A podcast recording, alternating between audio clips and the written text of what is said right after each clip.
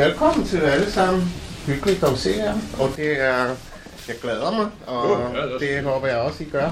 At høre Søren og fortælle om uh, kold krig. Altså har vi kold krig i dag, eller har vi det ikke? Uh, det får vi svar på uh, lige om lidt.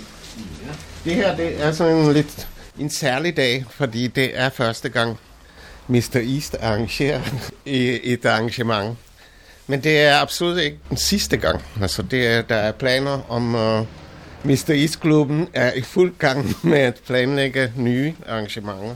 Så det er noget, vi vil fortsætte med. Så det kan I glæde jer til. Og nu vil jeg så lade uh, Søren komme til. Jeg håber, at vi får en, en hyggelig snak om det, og, øh, og jeg kender jo Ota der, øh, på godt og ondt. Han er jo en travl mand, han er altid væk, men øh, han, øh, han har i hvert fald sin computer med, det må man sige. Han lægger ting ud, sites ud, når han så render rundt i en anden landsby, langt er ved, ja, bortestand, så...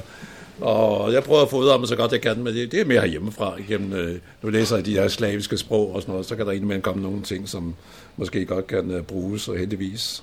Så vi kender hinanden, og jeg håber, vi kan fastholde det samarbejde.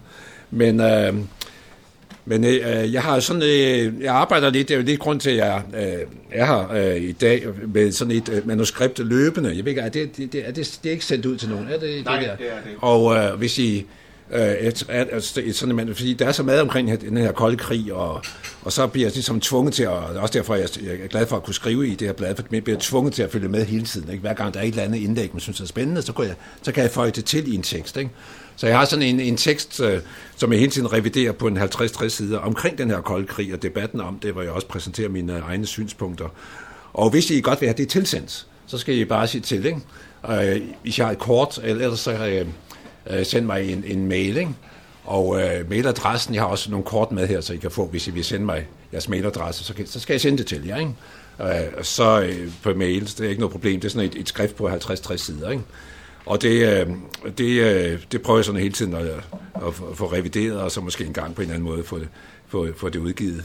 Men øh, så jeg prøver hele tiden ligesom at, at, at, at følge lidt med i hele den her debat, der er omkring den her øh, koldkrigssituation, som potentielt jo er meget farlig. Vi må jo ikke øh, øh undervurdere, at det her, det, det kan godt indgalt i, i værste tilfælde.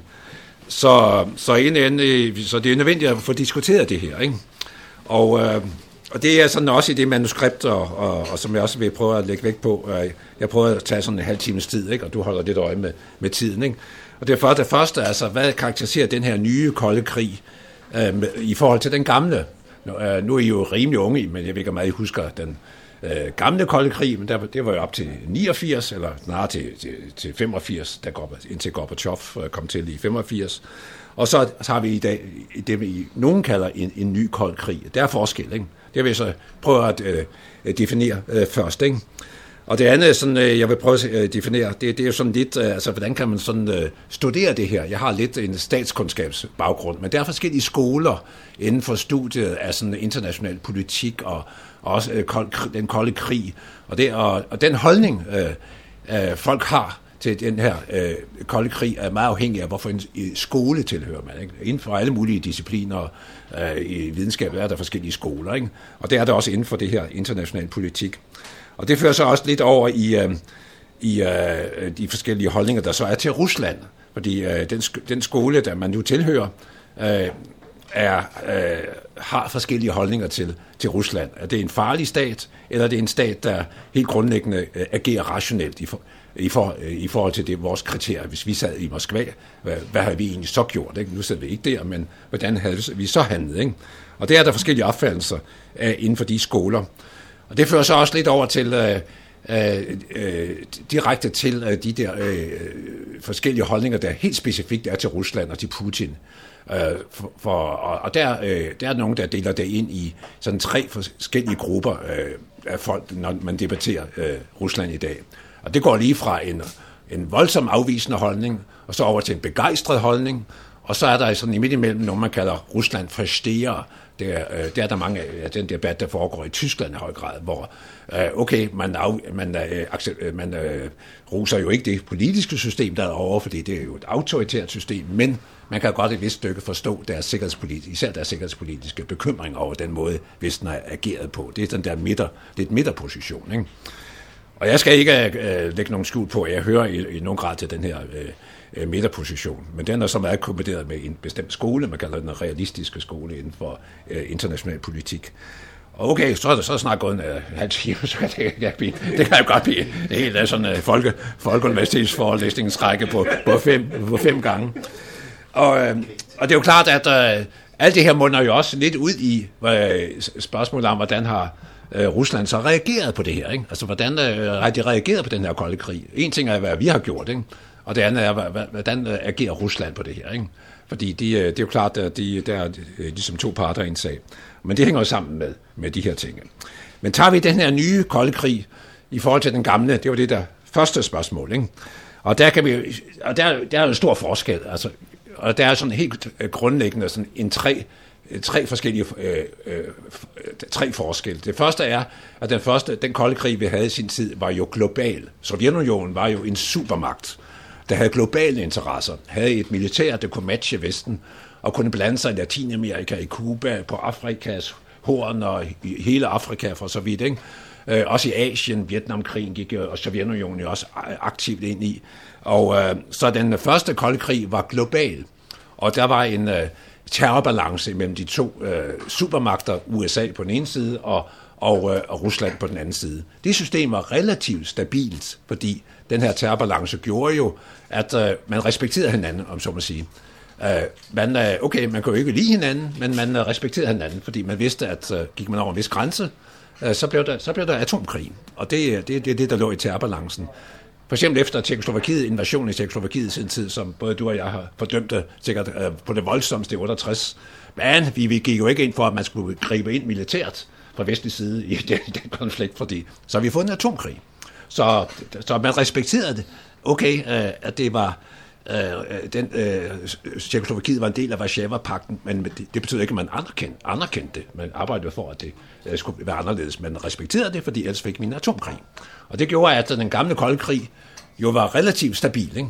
Men der var nogle episoder rundt omkring Kuba-krisen og Berlin-krisen, og der var også et par andre episoder, hvor man var tæt på en, en atomkrig, fordi Øh, hele systemet hvilede på, at man, der var nogle spilleregler, øh, som man overholdt. Ikke? Eller brød man dem, så øh, blev der jo krig, og der var et par gange, hvor var meget tæt på. Man oprettede jo sådan en rød linje, en telefonlinje mellem øh, Washington og Moskva for at undgå, at man fik en krig ved en fejltagelse. Den er gudskelov genoprettet nu. Øh, gudskelov, for ellers så kunne vi opleve det samme, fordi det er jo, problemet der er jo, at man næsten ikke har nogen, nogen kommunikation imellem de to øh, supermagter, eller magterne. Nu er det ikke en supermagt mere, ikke? Så det der med øh, det globale, at den øh, øh, første kolde krig øh, var øh, verdenssamspændende, der var en jævnbyrdighed militært, øh, og det, øh, men ikke økonomisk, men militært, og det, det skabte en ligevægt og en vis stabilitet. Ikke?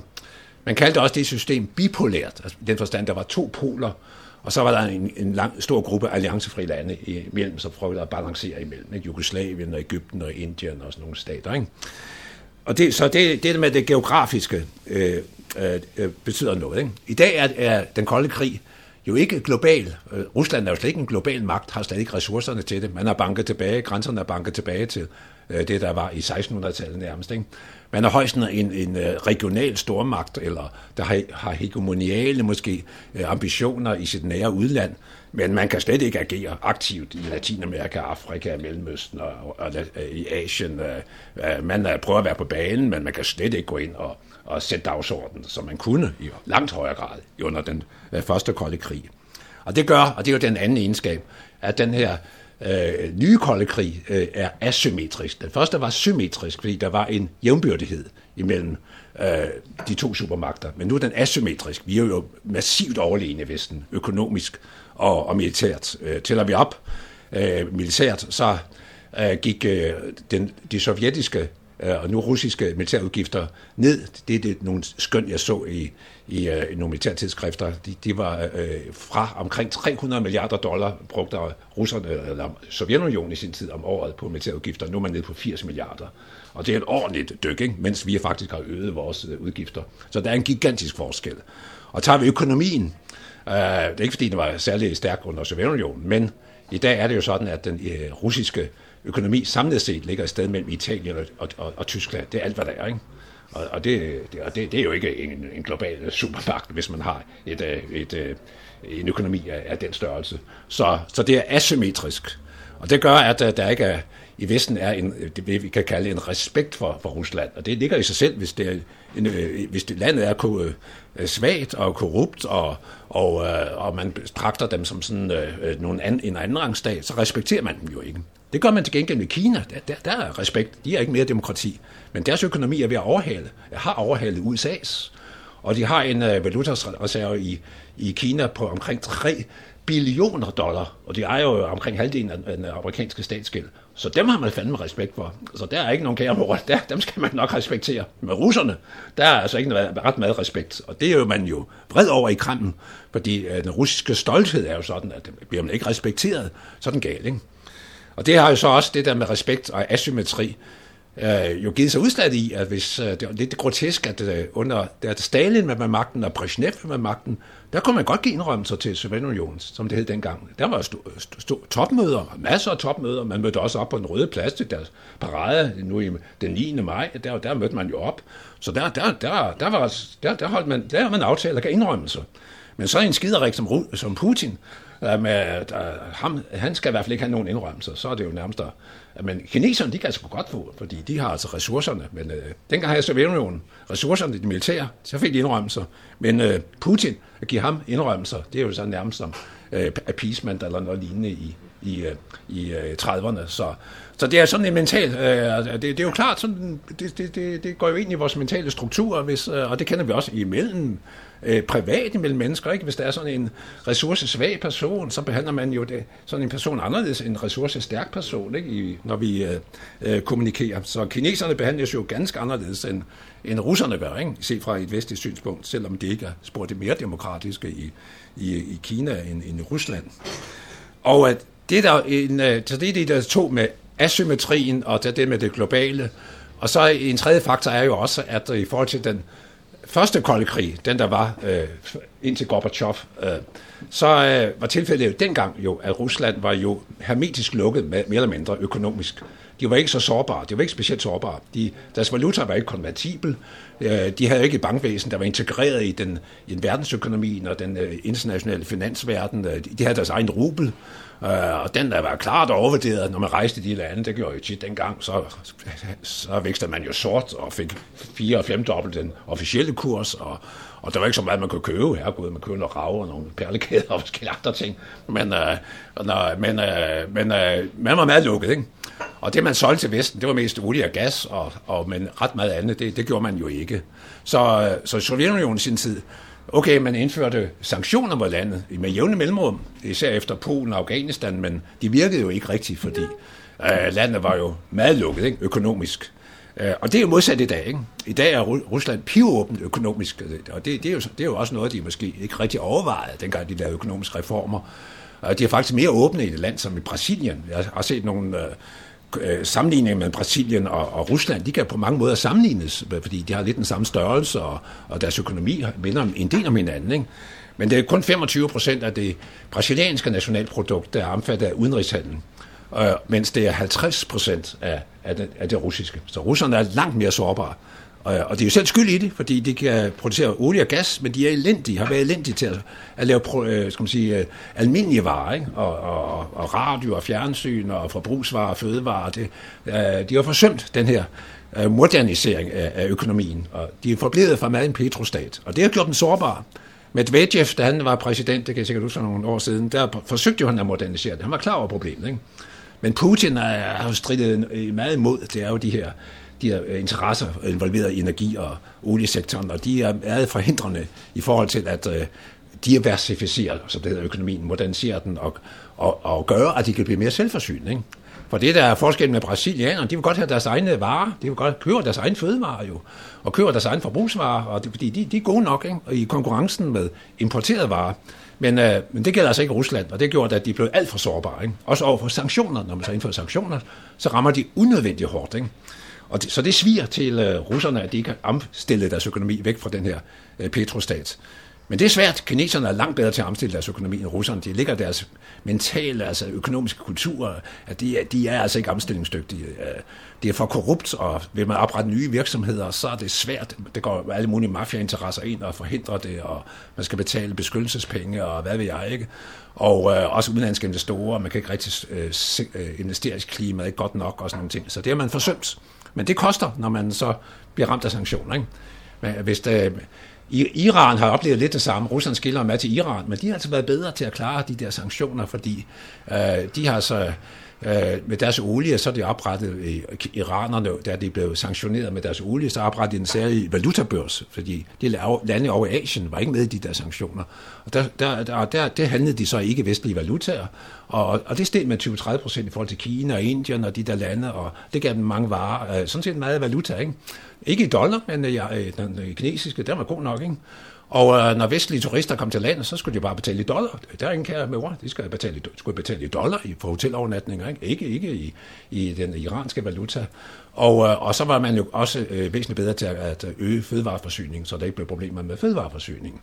Og det er jo det, russerne skiller os til. Kan vi gøre det lidt det samme? Ikke? Men russerne er altså ikke specielt gode til det der, men nu er, har de strib, stru, eller kniv for struben, og så øh, tyder noget på i de sidste måneder, at, øh, at der er sket en vis genopretning. Men det, det virker noget af det, de har gjort i, i Rusland inden for de sidste halve år. Rublen er og stedværdi 16 procent, så jeg går på Itatas, øh, og, og olieprisen er begyndt at stige lidt igen. Så det der katastrofescenarie for russisk økonomi, øh, som man troede på for tre måneder siden, det, det eksisterer ikke i dag. Så det der tre ting med øh, geografien og asymmetrien, og så den der åbenhed, ikke? Uh, den, uh, den, det, det er en forskel. Men, øh, men den, den nye kolde krig, det er de fleste enige om, at den er potentielt farlig, fordi man respekterer jo ikke hinanden. Det gjorde man jo den første, selvom det var hårdt i, under Stalin, og, men der respekterede man hinanden. Ikke? Øh, I dag er, er der større fare nok for en atomkrig ved en fejltagelse. Omkring 100 år for øh, Første verdenskrig diskuterede man jo meget af det der for at undgå det scenarie. Hvis man overhovedet ikke kommunikerer og tror noget forkert om modstanderen, og gør man det og det, ikke? Så, så, øh, så er der en, en eskalation, som øh, øh, jo er, er potentielt meget farlig, hvis øh, man ikke kommunikerer. Ikke? Og det er, øh, det er der mange eksperter, der, der er helt klar over. Men, øh, men så er Putin jo så set bare det at mødes med ham, den skider ikke, det vil man ikke. Og, og så, så kan Lavrov prøve at tage over, ikke? men det er jo grænser trods alt for hans magt. Så der er et problem med det her kommunikation. Man er man begyndt at kende det, nu man så får den her røde linje øh, heldigvis genetableret, og der er også vestlige stater, der bryder den der øh, øh boykot. Italien og stribelande øh, tager alligevel til Moskva og, og fører en dialog, også Slovakiet og tjekkerne har øh, også i forbindelse med det her 9. maj øh, øh, øh, går man meget ud af at, at, at, øh, fastholde en dialog. Også reelt gør tyskerne også det samme. Ikke? Men Danmark og Polen og, og så balterne, og der, vi er jo med på den stenhårde linje herhjemme, ikke? Selvom, men det er mere solidaritet med de baltiske lande og Polen, ikke fordi vi føler os specielt truet, men øh, fordi vi er øh, efterretningstjenesten herhjemme, og herrens efterretningstjenester har jo allerede konstateret, at der ikke er en rigtig trussel fra russisk side mod Danmark, og det er vi, vi har aldrig blevet angrebet heller ikke tidligere, men det er meget sådan solidaritet med de her, øh, med, balter, med balterne og, og med polakkerne, men går vi ned igennem Centraleuropa og, og ned sydpå og Italien og Sydeuropa, så, så er de her ting altså, definerer sikkerhed og Rusland jo ganske anderledes, end vi oplever her i den nordlige del af halvkuglen. Men det er jo politisk valg, man skal træffe, ikke? Alt det her hænger lidt sammen med de her skoler, som jeg var lidt inde på før, ikke? Og der kan man jo sige, at øh, den, der er forskellige skoler. Der er sådan en idealistisk skole inden for international politik. Det er jo så folk, der tror på det gode, og man skal oprette en FN og en verdensregering og, og udbrede øh, vores vestlige værdier og sådan nogle ting. Det er så den idealistiske skole. Ikke? Så er der også noget, der kaldes en social konstruktivistisk. Det er sådan en, der bygger meget på, at øh, alt det med sikkerhed er subjektivt. Der er ikke noget objektivt. Og det er jo egentlig rigtigt nok, øh, og det ligger også lidt i det, at, at forskellige lande definerer forskelligt sikkerhed. Balterne er hårdere, Finderne lige ved siden af har en helt anden, fordi de har nogle andre historiske erfaringer. Så det, og det har noget at gøre med identitet. Og det, den, det er jo sådan set en ganske spændende retning. Ulle Væver, som jeg måske kender, han er sådan som talsmand for den uh, retning. Og så har vi den her klassiske realistiske skole, som, uh, som er mere enkel. Den siger, at alle stater, uanset hvem de er, øh, øh, handler ud fra nationale interesser, ud fra magt, interessesfære, så godt de nu kan. Ikke? Nogle er stærke nok til at gøre det globalt, nogle kan gøre det øh, mere regionalt, men alle handler dybest set egoistisk i den forstand, at man prøver at maksimere sine egne interesser. Og, og, det, og det, det er Danmark som en småstat, vi har Østersøregionen, og prøver at føre en mere aktivistisk, aktivistisk udenrigspolitik. Nogle synes alt for aktivistisk.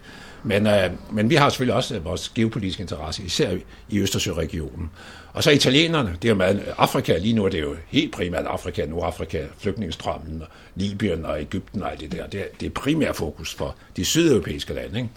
Og, og det er jo deres interessesfære og, der, og deres øh, nære udlander, så må siger. Ikke? Og så er det polakkerne og balterne, det er jo klart, det går mod øst. Ikke? Det har de øh, deres, definerer de deres sikkerhedsinteresser. Ikke? Så det er jo vidt forskelligt, hvordan man gør det. Og det ligger i den her realistiske skole, at den geografiske sikkerhed, hvilke ressourcer har man, Øh, og det bestemmer så ens nationale interesse, og så går man efter at maksimere. Så må man se, om man kan finde en balance, ikke? en magtbalance, og, og talsmænd for dem, I kender måske Henry Kissinger og nogle af de der Spigny Brzezinski, de, de er talsmænd for de her. Og de kan godt følge Putin. Det er jo inden for den retning, vi finder de fleste af det, vi kalder Ruslands forstere, fordi de siger jo selv åbenlyst, også Mersheimer måske kender at sad vi i Moskva, så vil vi tænke det, samt, det samme sådan en NATO-udvidelse, vi vil også vende os imod en militærpagt, der går op til den russiske grænse, som vi ikke selv med i og laver militærøvelser. Det vil være at se, hvordan amerikanerne reagerer, hvis dengang Sovjetunionen begyndte i Kuba og forskellige andre øh, stater og, og, og i, i Chile og alle de her ting, og lave militærkup for at fjerne nogle forskellige øh, folk dernede, ikke? Der, der, der ellers var demokratisk valg. Det vil enhver stat gøre. Ikke? Så den realistiske skole står jo for det, øh, i forhold til Rusland, for det, man kalder en, en forståelse for deres sikkerhedspolitiske adfærd. Men det er så noget andet. Øh, det betyder ikke, at man accepterer alt, hvad de gør. Ikke? Bryder man det, som Sovjetunionen gjorde slut i slutningen af 70'erne med at gå ind i Afghanistan, og bryder man de spilleregler, så, så er det noget andet. Ikke? Men handler man defensivt, øh, så er, det, så er det noget andet. Ikke? Og de fleste inden for den realistiske skole ser Rusland i dag som agerende defensivt, fordi de er jo betrængt op, ikke? helt op, og så prøver man at, at beskytte sig ikke? bedst muligt. Ikke? Og det man så gør i Ukraine og Georgien, ser man mere defensivt end offensivt, ikke? mens andre ser det som mere offensivt. Det gør balterne og, og polakkerne. Ikke? Så det er inden for den her realistiske skole. Men den har ikke noget at gøre med højre og venstre. Det er sjovt, øh, er jo, at, øh, at, øh, at nu er jeg jo sådan en gammel 68'er, og, og, og i det tid med Vietnamkrigen, og jeg, jeg jeg ikke drømt om som ung, at jeg skulle blive enig med Kissinger på de der Brzezinski, det havde jeg fandme ikke. Og, og de, de siger også, det er helt sindssygt med NATO-udvidelse, og NATO skulle egentlig nærmest nedlægges og sådan noget. Ikke? Og, det, og det er jo det er lige guf på min mølle, men det, der i tre, under Vietnamkrigen og efter der, der var det jo ganske andre boller, på suppen. Ikke? Og, øh, og der, hvor man også finder en del af dem, der har vis forståelse for det russiske, øh, det er inden for, den, inden for dem, der arbejder med slavistik, altså med russiske sprog og kultur, for de mener også, at det her øh, med Øh, med Rusland og den her øh, kolde krig har noget at gøre med øh, noget civilisatorisk. Altså, vi forstår ikke den kultur, vi øh, nedgør den, ikke? Øh, fordi de, de er slaviske. Vores vestlige, de er simpelthen det bedste, ikke? Og så nogle skiderikker derovre med sådan noget ortodoksi og sådan nogle øh, og mærkelige moralopfattelser, og, og, som, gør, som ikke er værre end den katolske kirke. Der kan man fandme også finde det med bøsser og lesbiske og alt muligt andet, ikke? Men, øh, men øh, det har man også derovre, ikke? Og, og så, så, øh, så det er altså også sådan noget, øh, og så mange af de her som mere forstående holdninger øh, i forhold til Rusland, finder man altså også høj grad inden for slavistik. Lavrov, den øh, russiske udenrigsminister, når han er i udlandet, så taler han, han er, han er jo dygtig, han er respekteret, modsat øh, Putin, som er sådan en mærkelig person, ikke? men han er meget respekteret, også Kerry, han, og han er jo topdiplomat. Og han taler nogle gange på slaviske øh, møder, kongresser og sådan nogle ting i Vesten, og der siger han, der er han på hjemmebane, for det er folk der forstand på det. Ikke? Og han øh, har også opfordret vestlige ledere, som ved meget lidt om Rusland og Ruslands historie, til at lytte simpelthen til, til dem, der har forstand på det, ikke? og som kender Rusland og Ruslands kultur, så vil de forstå, at russerne øh, føler sig krænker over den måde, de, de, de er behandlet på og sådan nogle ting. Og, og man føler også, at der er sådan en, en civilisatorisk, øh, kulturel øh, nedgøring. Ikke? Den var der måske tidligere også over for Kina og konfucianismen. Men takket være, som sagt, at Kina er blevet stærk økonomisk, så er der pludselig respekt om det her konfuts. Ikke? Og ligefrem en, Øh, forskellige øh, skoler og universiteter rundt omkring i vestlige lande. Men det har noget at gøre med eksporten også til, til, til Kina, som så er i stor vækst i mange lande. Så, så de der tilgange, øh, det er med den realistiske skole, ikke? men også inden for øh, det, vi kalder slavistik, ikke? studiet af slaviske sprog. Og det er også derfor, at man i Tjekkiet og Slovakiet og nogle af de her lande kan finde større forståelse for de her synspunkter, for de er slaviske, ikke? grundlæggende i deres kultur. Ikke? Og i Tjekkiet, øh, Benish og nogle af de her folk, ikke, prøvede også at være brobygger ikke, i forhold til Rusland, og, og har, og synes ikke, at Vesten altid har ageret godt nok. For eksempel i 38 i München, det var ikke ligefrem sådan en, en, uh, måske en, en, en aktiv indsats for at redde Tjekkoslovakiet, som kom til udtryk fra vestlig side dengang. Så, så der er sådan øh, nogle retninger, øh, og som jeg synes jeg selv er man skal være opmærksom på, men som går meget lidt ind i også den danske debat, ikke? fordi der har vi jo meget de her stereotyper. Ikke? Men øh, går vi uden for landsgrænser, så er diskussionerne helt anderledes. Øhm, og det gør jo, at man har de der forskellige, øh, det er jo så det der fjerde punkt med, med Rusland, at man har på den ene side det, vi kalder øh, Rusland forstår, jeg var lidt inde på det tidligere, det er så dem, der så kan forstå noget af de der russiske inter, øh, interesser, sikkerhedspolitiske interesser, NATO-udvidelser og sådan nogle ting, og har en forståelse for den russiske kultur, og siger, at vi skal behandle dem med respekt og, og forhandling. Når vi kunne med Stalin og Brezhnev, så bør vi også kunne det med Rusland i dag og sådan nogle ting. Ikke? Og så har vi dem, der har en anden holdning, at, øh, at Rusland er en ekspansiv magt, en revisionistisk magt, der kan tro de baltiske lande og angribe dem og alle de her ting. Og det, dem er der mange af, der er også inden for ikke så været inden for det slaviske miljø, men inden for nogle af de andre skoler. Ikke? Så de, de, de, de, de findes. Ikke? Og så har vi nogen, man kan, kan kalde Rusland eh, Putin-entusiaster, men det er jo altså sådan nogle som Le Pen og Orbán, og det er jo ikke en skid med, undskyld udtrykket, med, at man er begejstret for Rusland, fordi man kan bruge Putin til, i kampen mod EU, og, og og, så, og så er det der nationalkonservative med bøsser, og lesbiske og regionen, det, det, det, det kan man så øh, udnytte også. Ikke? Men det er jo ikke en forståelse som sådan for, for Rusland. Jeg tror ikke, de har studeret ret med Rusland. Man kan se, at Putin kan bruges ikke? I, og, øh, når vi tager sådan noget sådan, som UKIP, nu får det måske et valg, og, og tager alliance for, for, øh, mod, øh, fra Deutschland, nogle af de her nye partier, så er det meget økonomisk deres øh, øh forståelse for Rusland, og de mener, at øh, også, også deres kamp mod EU. Ikke? Altså økonomi spiller også ind, øh, øh økonomiske interesser med sanktionerne, og så øh, kamp mod EU. Det, det er meget baggrund for den retning, der er mere sådan entusiastisk. Men øh, det mest relevante af de retninger er jo den mere den der, at man kan Rusland forstå, ikke? hvor man øh, afviser den der konservative øh, ideologi, men forstår øh, den sikkerhedspolitiske interesse. Det er med SPD og, og også kristendemokrater. Helmut Kohl har også været ude, og han selv også den, ikke? fordi han forhandlede jo også dengang og har også ude at sige, at jeg kunne forhandle dengang med alle de her skiderikker i Moskva, hvor, hvorfor kan vi så ikke forhandle i dag ordentligt, øh, og så prøve at finde nogle forlig, ikke? Og, og forstå måske den der sikkerhedspolitiske frygt og udvidelse af NATO, som trods alt er. Ikke?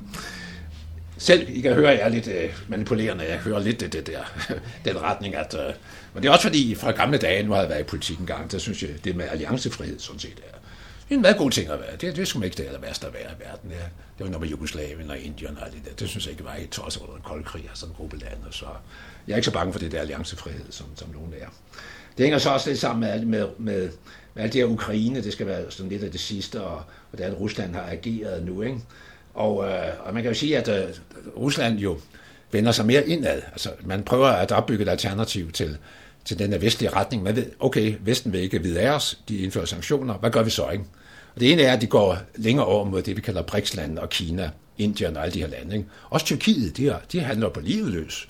Den egyptiske, Egypten, den egyptiske præsident, han tager nu til Moskva og står ved sejrsparaden. Der er ingen, der er ingen der, det, det, der, der. Ikke? Så de prøver at gå øh, i retning af det her, vi kalder BRICS-landene og Kina. Og det, er jo ikke, det kan godt redde dem noget, ikke? fordi kineserne er ikke interesseret i, at, at Rusland går kollaps. Så vil de redde dem, ikke? fordi de har store aftaler, også omkring gas og olie. Så hvis øh, der er problemer, så vil de gå ind med deres 3 milliarder, milliarder uh, øh, billioner undskyld, øh, dollar og, og redde økonomien. Ikke? Ligesom Vesten kan komme til det med Ukraine, så vil øh, Rusland gøre det, eller Kina gøre det med Rusland. Men den regning for Vesten kan blive langt, langt større, fordi Ukraines økonomi, det er jo eller, en lang, lang, lang værre forfatning end den russiske.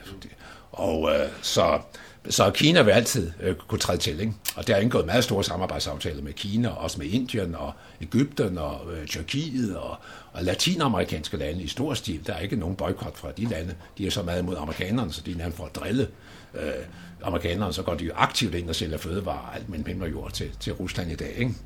Så de, øh, de vender sig øh, væk øh, mere og mere, så godt de kan over mod Asien og over mod øh, BRICS-landene. Ikke? Og det andet er, at man prøver at blive mere selvforsynende, så godt man nu kan. Ikke? Og det tager sin tid, fordi de er ikke alt for gode til at omstille og øge fødevareforsyningen og den nationale, men russerne er begyndt at æde mere russisk mad, og alt, alt, alt det der, prøver de, og det prøver også for de russiske retter frem, det skal ikke være pizza nødvendigvis og alt muligt andet. Det, de har også nogle lækre retter, det tror jeg nok derovre, som smager meget godt med urter. Det er også sundt, det sådan noget kål og forskellige andet ud af deres haver, men Men øh, så de prøver at blive mere selvforsynende, men det, det tager sin tid, fordi de ikke er gode til det der. Økonomisk omstilling, korruption er jo frygtelig, frygtelig stor, ikke? Og så det er jo den anden reaktion, øh, man gør, ikke? Og så, øh, og så, øh, så udover det med, og så prøver man at opbygge sådan noget, man kalder Eurasisk Union, og, og, og, og så er det så, øh, at øh, nationalistiske kræfter i grund af en kold krig jo også bliver styrket. Så man har sådan noget med den russiske mir, russiske fred og, og det nye Rusland. Så der er jo også nogle farlige nationalistiske kræfter, som er sluppet løs i, i forbindelse med det her. Ikke? Men på det sidste er Putin heldigvis begyndt at dæmpe de der, og jeg bruger ikke udtrykket, de der udtryk, uh, ruske mir, og slet ikke et nye Rusland mere i de sidste taler, og det er noget, tyder på, at han prøver at, uh, okay, nu går det rimeligt, det godt med russisk økonomi, og så prøver han at lægge en vis afstand til de der nationalistiske grupper, ikke? Og, uh, og det har han jo også blevet selvfølgelig påvirket af økonomiske interesser fra russisk side, hvor nu er det begyndt at gå lidt fremad. Og hvis at de, de også lykkes at splitte EU-landene, når det gælder sanktioner, ikke? Og, så, så, og nu, så det, der, der er måske lidt på vej der, ikke? Så, så den russiske øh, reaktion har jo været at øh, vende sig indad og så øh, udad, øh, men vest, væk fra Vesten. Ikke? Og det koster os nogle penge, ikke? og spørgsmålet om det øh, er, er en god idé. Og, øh, så, men det, det fører, fører så øh, selvfølgelig til nogle dilemmaer, som vi måske øh, kunne, kunne diskutere lidt, hvad, øh, hvordan vi så øh, øh skal leve med det, ikke? fordi øh, også med hensyn til løsningen for Ukraine, nu, nu øh, og hvad er den retfærdigste løsning. Og der øh, selv er jeg tilhænger sådan set af det, som Østrig har forestået. Og det, og det, det er jo et neutralt land, altså det er jo, og jeg det passer det meget godt. Ikke? Og de har jo sådan set flere gange presset på for, at man skulle finde en ordning, der gik, at, øh, at øh, Ukraine blev stadfæstet neutralt. Det er svært i dag, fordi nu, nu kører det løs ikke? med alt det der NATO-medlemskab, og NATO vil ikke optage Ukraine, så længe jeg lever, det kan jeg ikke forestille mig. Men det kører stadigvæk ikke. Og, og der er nogle helt naive affaldelser, som vi ikke får dæmpet ordentligt ned i, når det gælder sådan nogle ting. Men øh, deres holdning går på, at man skal neutralitet, og så en øh, mere regional opbygning af Ukraine, men med respekt for, at øh, Kiev øh, skal, regeringen skal have tilstrækkeligt til, magt til, at man trods alt ikke får en autonomi og en, det kunne ligne en løsrivelse. Altså en, en federalisering eller regionalisering af Ukraine, hvor vestlige lande kan gå ind også, og, og i samarbejde forhåbentlig også i forståelse med Rusland og Kina, og finde en anden balance ikke, imellem, øh, så man stadigvæk har en, det, var, det kan ligne en stat. Ikke? Så en regionalisering, en neutralisering, og så et omfattende hjælpeprogram øh, til, til landet, hvor øh, hvor ikke mindst Kina går ind, også som garant, og Kina, kineserne er, er også interesseret i fred i Ukraine, er en fredsfaktor der. Og de har sagt, at de godt være garant for en fred, og stille nogle milliarder, adskillige milliarder dollar til rådighed til en hjælpeprogram. Fordi problemet er, at Vesten kan ikke klare det der med hjælpeprogram alene. IMF har store problemer med det, ikke? fordi de skal låne til land, der rent er bankerot. Det må man jo ikke ifølge IMF's vedtagelser. Og EU er ikke villig til at yde de store beløb. Øh, man har nok at gøre med Grækenland. Men skal man hjælpe Ukraine op, så er det jo mange, mange gange det græske, det græske det problem. Ikke? Det er jo 40 millioner mennesker, og økonomien i Ukraine er langt værre end den er i Grækenland. Så, så man kan ikke klare det alene. Så det, øh, den tro, der er i Ukraine om, at man bare må gå til Vesten, og EU er jo så en stor pengekasse, man, man, man, man får betalt under sit underskud, det er jo naivt. Ikke? Der var også nogen, der troede det efter murens fald i Vest, ikke? at man fik en kæmpe masse Marshallhjælp. Det fik man ikke. Til gengæld har Østeuropæerne efter 89 formået at skabe noget økonomisk vækst ikke? Og, og, og, og, og gøre sig selvhjælpen. Men øh, problemet er langt større Ukraine. Ukraines økonomi i, i 91 var på niveau med Polen, hvis vi tager bruttonationalprodukt per indbygger. Nu har man mellem en fjerdedel og en femtedel, altså 400-500 procent under på, på 25 år. Og øh, det samlede bruttonationalprodukt i, øh, i Ukraine er beregnet til at være i, i, i 2013 til at være på niveau med Finland. Finland har 4-5 millioner indbyggere, og de har 10 gange så mange derovre. Og nu er det faldet yderligere. Nu er det jo faldet. Nu er det under, fordi den økonomiske vækst har været negativ, særdeles negativ. Så, og det er det land, vi står med. Ikke? Og nu vælter der med økonomiske rådgiver derovre fra alle mulige lande. Især fra Georgien, sjovt nok Georgien og Litauen og fra USA, det er dem, de tager. Ikke? De, de er jo ikke rigtig polakker, for de har et mere plakket forhold til polakkerne. De er sat ud på sidespor, også i mindstprocessen. Og, så polakkerne, også på grund af historiske forhold og mindreværdskomplekser. Men øh, alle de rådgiver, hvad kan de stille op? Øh, og de her udenlandske ministre, de har valgt, så hvad kan de egentlig stille op, hvis man ikke får ændret hele strukturen i samfundet, oligarkiet og korruptionen og de ting. Kan vi se, at vi stopper her ja, ja, ja, og, og åbner op for spørgsmål? Så hvis der er nogle spørgsmål? Hvis man nu uh, tager dine briller på og siger, at det er en god idé at lave en federal stat eller en regionalisering af Ukraine, hvordan skal man så gennemføre uh, en, en, en retsstatsreform, der der går op med en korrupt, oligark-domineret økonomi, hvis man har en region ude i øst, som i hele Ukraines levetid har været gangsterstyret. Øh, den tidligere præsident Janukovic var guvernør i Donetsk, og var kingpin i den her pyramidespil, hvor han uddelte favors til, til lokale crime lords. Øh, jeg er ret opvist om, at Putins long game her er at sørge for, at Donetsk og Donbass aldrig nogensinde bliver kontrollabelt. Og det vil det heller ikke blive, hvis man lavede en federal løsning. Og så vil man på den måde forhindre reform i Ukraine. Hvad er din holdning til det? Jamen, det, det er et godt spørgsmål jo.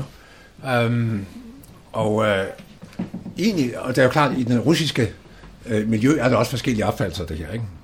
Øh, og den, den, øh, jeg tror ideelt set, hvis der er sådan som Lavrov, så vil, så vil han jo sådan set, øh, vil Rusland ideelt set godt have et Ukraine, der er neutralt, og som fører en tovektorpolitik i forhold til øh, Rusland og til Vesten.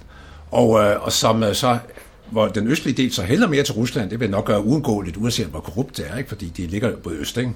Og Donetsk-regionen har en anden historie og også en anden øh, struktur i deres økonomi. Den vil altid hælde mere til øst. Ikke? Grænsen er altid været pivåben. Flere millioner øh, passerer grænsen. Det er russisk talende, der bor derovre. Ikke? Så der vil altid være store regionale forskelle, uundgåeligt. Ikke? Der er der mange europæiske lande. Store regionale forskelle, hvem man handler med. Ikke? Men øh, det er jo klart, at hvis, øh, det lå også, ligger også den østrigske model, at øh, en, øh, et eller andet federaliseret, mere regionalt opbygget og ligger også i Poroshenko. Poroshenko er egentlig gået ret langt i tidligere udkast med hensyn til en, en regionalisering af landet. Han kan godt se, at det går ikke med sådan en unitær stat i sådan et, et land som Ukraine. Men det er om at finde den rigtige balance. Ikke? Og det er jo klart, at balancen, det ligger også den østriske model, det skal ikke være sådan, at det bliver autonomi reelt. Ikke? Det er jo det, separatisterne øh, jo ønsker sig. Ikke? Og derfor er det jo umuligt at finde et kompromis, fordi separatisterne ved jo, at hvis det bliver en regional øh, løsning af, af det, der er normalt for funktionelle federationer, øh, så vil øh, Kiev-regeringen have øh, øh, en betydelig magt stadigvæk. Ikke? Skal kontrollere de valg, der er. Ikke? Og grænsen skal også kontrolleres øh, øh, af de federale myndigheder, ikke? I, måske i samarbejde med de regionale. Og der ved man, at ved et regulært frit valg, så vil separatisterne jo tabe. Ikke? De vil nok, okay, det vil bare ikke være pro-Kiev, folk der vil så vinde, der er store regionale forskelle. Alle valg, der har været i Ukraine siden men det vil ikke være separatisterne, der vinder. Så de vil miste deres magt, ikke? og de, de er de ikke. Så, de er, så det vil være utrolig svært at få dem med på en, øh, en, øh, en rationel løsning. Ikke? Og øh, så er det så spørgsmålet, hvad der, der nu er i Kiev, og der går holdningen jo helt klart øh, væk fra det federale, og det er den almindelige udvikling, og, øh, og over mod unitær stat i Jeg tror at de fleste ukrainer vil kunne leve med ikke at blive en del af vestlige institutioner, hvis bare man havde et opgør med korrupt økonomisk, ja, også, ja. øh, den, altså det økonomiske system, og fik en retsstatsreform, som rent faktisk bragte nogle af de her øh, 20-knægte, som, øh, som er meget, meget rige Det er også den østriske model, altså til, til dom. Den her donorkonference, at man simpelthen øh, lægger øh, og stiller betingelser, store betingelser med hensyn til øh, øh, økonomiske reformer, og, og korruption er selvfølgelig en del af den økonomiske reform i Ukraine. Man kan ikke forestille sig det. Ikke?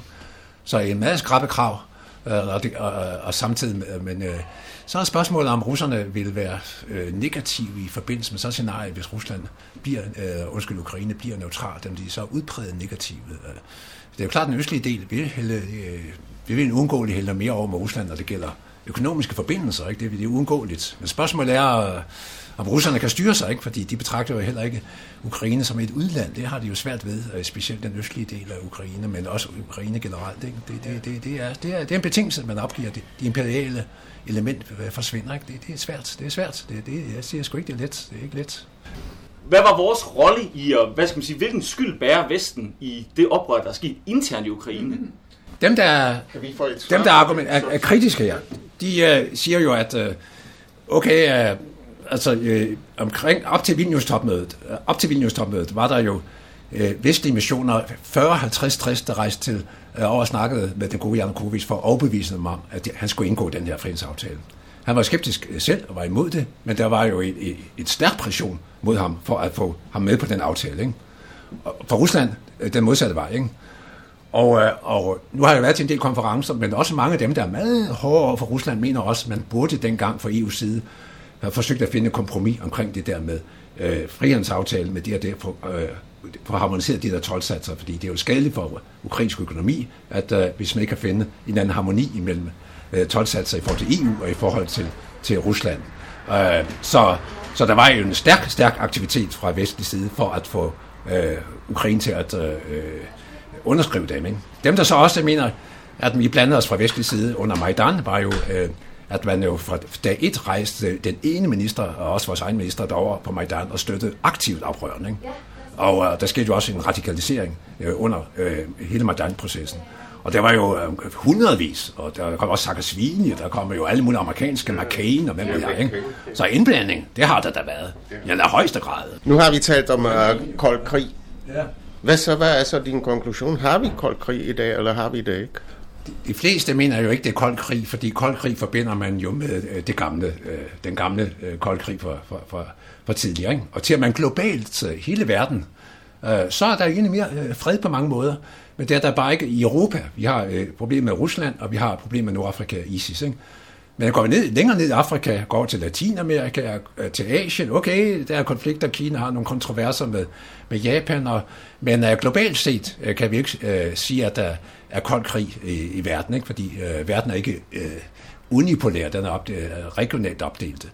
Og så, uh, og uh, alt det, der sker i Nordafrika, har jo ikke noget at gøre med en kold krig, det er jo et opgør med islamisk fundamentalisme, og der arbejder russerne jo sådan set omkring Syrien og omkring uh, Øh, ISIS, det arbejder man jo sammen med Vesten i, et langt stykke. Ikke? Der er ingen problemer. Piratbekæmpelse. Og der er nogle interesseforskelle, men, øh, men ikke, ikke noget, der, der egentlig blokerer. Ikke? Det, men øh, nu diskuterer man så en militærinvasion på den, på, øh, i, øh, i Renzi har lige været i øh, Moskva og diskuteret med Putin, om Rusland vil acceptere en militær invasion eller aktion i den nordlige del af Libyen for at stoppe øh, de her øh, og det er russerne betænkelige ved, fordi der er tidligere erfaringer med Libyen, som man ikke kan acceptere. Men og Syrien, okay, der gik russerne jo sådan set noget ind og reddede lidt Obama for øh, den her øh, aktion, øh, øh, som, som man ikke gennemførte. Og omkring Iran, atomprogrammet, har man sådan set også samarbejdet. Men okay, der er interesseforskelle. Man kan ikke sige, at der har været kold krig i de tilfælde, man Lavrov har været med i processen hele vejen igennem. Ikke? Så det vil sige, at konklusionen er... Så, så at det er ikke en kold krig, men, men uh, omkring uh, Ukraine og Ruslands nabolande, så, så er der en, en, uh, så er der en, vi godt kan kalde det en, en krisesituation, der potentielt kan udvikle en atomkrig. Det må vi se, hvis det går galt. Ikke? Det må vi se, ja. Øhm, jeg kunne godt tænke mig at vide, øh, altså, hvad du tror, der kunne trække i retning af en mere fredelig øh, omgang med de der konflikter. Altså, så man kommer væk fra, fra, den, fra den varme krig. Noget af det er jo nok det her med kommunikation. Øh, og, øh, og, øh, og, og, og det her med atomkrig er jo meget møntet på uh, Ruslands nære udland. Kan man få en eller anden form for deeskalering, når det gælder øh, forhold til Rusland omkring øh, forhold til, til Ruslands nabolande. Det er jo en farlig situation også, alle de her chikanerier i luften og, og øh, mangel på kommunikation. Og, og, øh, og der er forsøg, der er forskellige øh, øh, altså, det, det, det diskuteres der også, fordi det er, jo, det, det er potentielt en farlig situation. Ikke? Og øh, man kan jo sige, at, øh, at på en eller anden måde skal man finde en, en eller anden form for modus vivendi, når det gælder Ukraine. Ikke? Og øh, lige nu er, er det jo tydeligt, at øh, scenariet er, at Ukraine reelt er delt. Øh, Kiev-regeringen, men også vestlige lande, det fremgår også meget af Pols pres, jeg læser, handler jo reelt ud for, at øh, den østlige del af Ukraine øh, reelt er uden for øh, uden for, øh, for Kievs indflydelse. Altså Donbass-regionen. Donbass-regionen, ikke? Det er en kæmpe underskudsforretning også for Kiev-regeringen. Og øh, som situationen er nu, hvor separatisterne har så meget magt, øh, så leverer man jo leverer, leverer nogle strøm, nu må jeg køre mig, og noget, noget gas, ikke? mod at man så får noget til gengæld. Men øh, man udtaler jo ikke pensioner, og, øh, og riven den øh, ukrainske valuta anvendes jo slet ikke. Nu er den øh, russiske rubel begyndt at at øh, bruges i, øh, i Luhansk og i Donetsk, fordi øh, der, der går så russiske varer øh, over på den anden side øh, i, de, i butikkerne i Øh, det stod den anden dag i Kiev Post øh, beskrevet, ikke? Og, og så opstår der butikker der, og der bruger man så rubel øh, som, som betalingsmiddel. Men reelt, øh, som det er nu, er det jo tale om et fastfrysningsscenarie. Ikke? Og russerne vil ikke vide at det der Donbass har indlemmet og betalt den kæmpe regning. Det bliver meget mere end en Krim, hvis man skal betale det. Øh, dem, der er tilbage i regionen, der 5 millioner har forladt regionen, der Øh, de, to, de millioner er tilbage, og over halvdelen pensionister eller børn, og, og der stod slet ikke nogen i produktiv alder.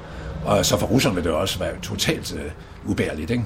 Så, uh, så vi får formodentlig et fastfrysning af, af, af situationen, og, og, øh, og så vil den vestlige og centrale del bestræbe sig for at få gennemført, det kan man håbe, økonomisk reform, ikke? der vil kunne løfte.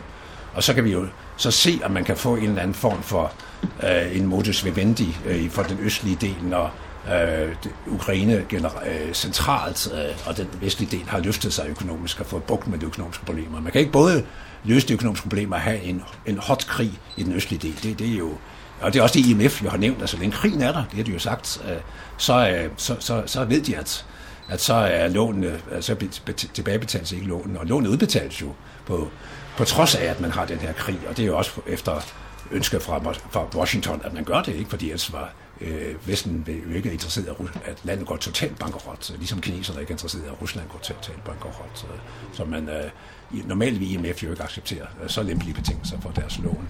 Så det er jo øh, meget sådan en fastfrysning, og det er måske, okay, det er et Balkan-scenarie, og en anden, for Balkan har man jo heller ikke fred, det kan man jo ikke sige, men øh, har en meget fastfrossen situation, Bosnien og, og den nordlige del, øh, Mitrovica i, øh, i, Kosovo, øh, i Kosovo, og, og man har masser af uløste problemer, ikke? oprør, men man er i krig, så det bedste er, scenarie er nok det, man kalder en hybrid fred, som ikke er en rigtig fred, men hvor folk er dog kan gå ned op fra skyldelsesrummet og så op og arbejde over jorden, og så må vi se, om vi kan komme videre derfra.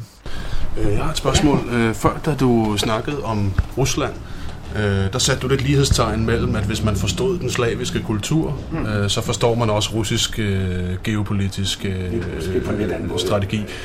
Der var et eller andet form for, for, for lighedstegn, men mener du, Putin gør dem en tjeneste? Eller, eller øh, hvad skal man sige? Kæmper han befolkningens kamp, eller kæmper han sin egen og sin rige venners? han gør som udgangspunkt det, det sidste. Ikke? Han, han er jo interesseret i, at, at, at Rusland, øh, altså system overlever. Ikke? Og det er jo klart, at øh, som systemet er, så har han jo en meget stor magt, og han har et oligarkisk system omkring sig, og har en vertikal akse, der, der, der, der styrer landet, og den vil han, den vil han fastholde. Ikke? Og så er der jo forskellige kræfter. Han vil godt øh, prøve at holde de her øh, ekstreme nationalistiske kræfter i skak, sådan set, for det, det skal de, ikke?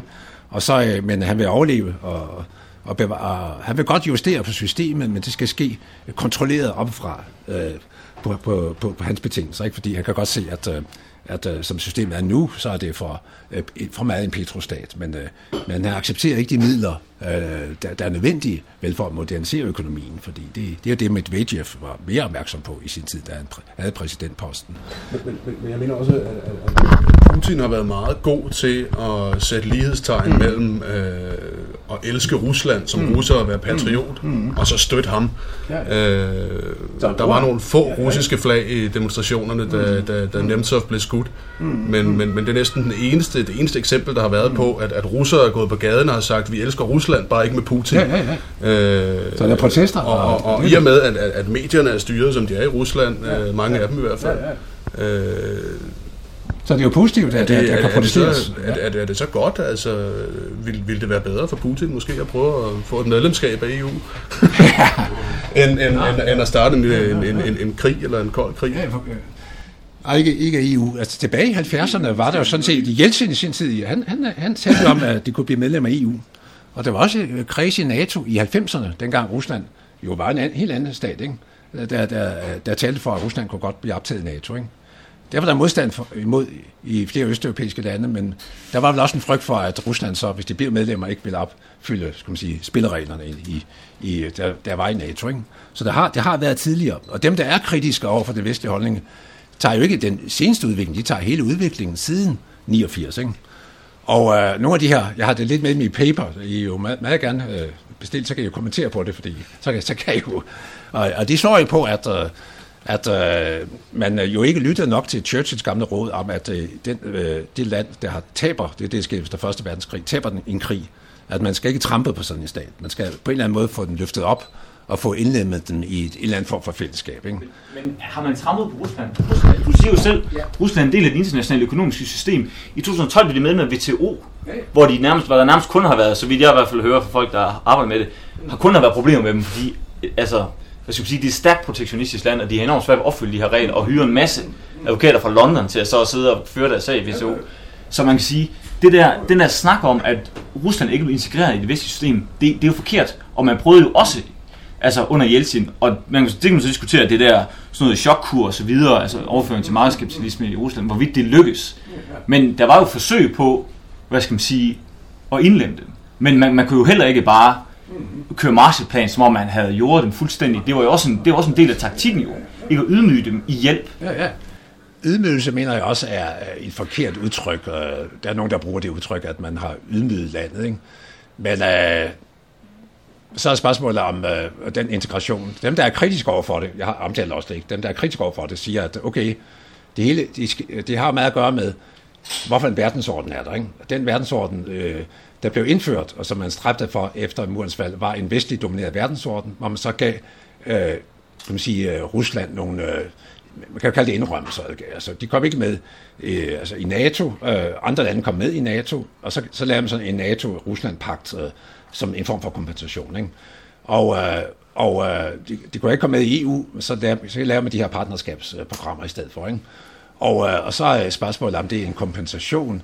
Og dem, der er kritiske, siger, at det, det var en, okay, det, det, det, var, det var ikke en, en det er jo ikke, Rusland, det er jo ikke en ligestilling, fordi det, det skete jo på vores øh, præmisser.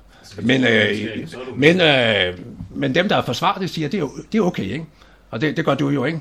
Og, og, og det er nok, ikke? Og de, de fik, øh, okay, øh, de, de her øh, NATO-råd, og, og, og så, så kommer jo så på den kritiske fløj jo også, når det kommer til det her med respekt og ydmygelse, så kommer jo så hele det spørgsmål omkring øh, angrebet på Serbien i sin tid, og hvor man så angrebet uden et FN-mandat, og, og, øh, og så kom øh, opsigelsen af ABM-traktaten, og så kom jo så øh, de her resolutioner omkring Libyen, som egentlig gik på flyveforbudszonen, men så gik, på, så gik så videre end det, og så til regulært bombardement af, og det mener Rusland også, det gik for vidt. Irak-krigen, som også skete uden et FN-mandat, øh, der var Rusland så noget enige med Tyskland og Frankrig på det tidspunkt. Og, så dem, der er kritiske over for den måde at behandle, øh, vil jo henvise sådan nogle øh, unilaterale øh, øh handlinger, som er sket uden for FN, og, og, øh, og sige, at men, øh, men, øh, men det er jo klart, at vi er over i de her forskellige skoler, de andre skoler, jeg nævnte, de mener ikke, de mener, det er okay, sådan er, sådan er det, ikke? Ja, jeg, jeg vil sige tak, øh, og øh, vi er forhåbentlig alle sammen blevet lidt klogere. Jeg vil sige uh, tak for det, Søren. Tusind tak.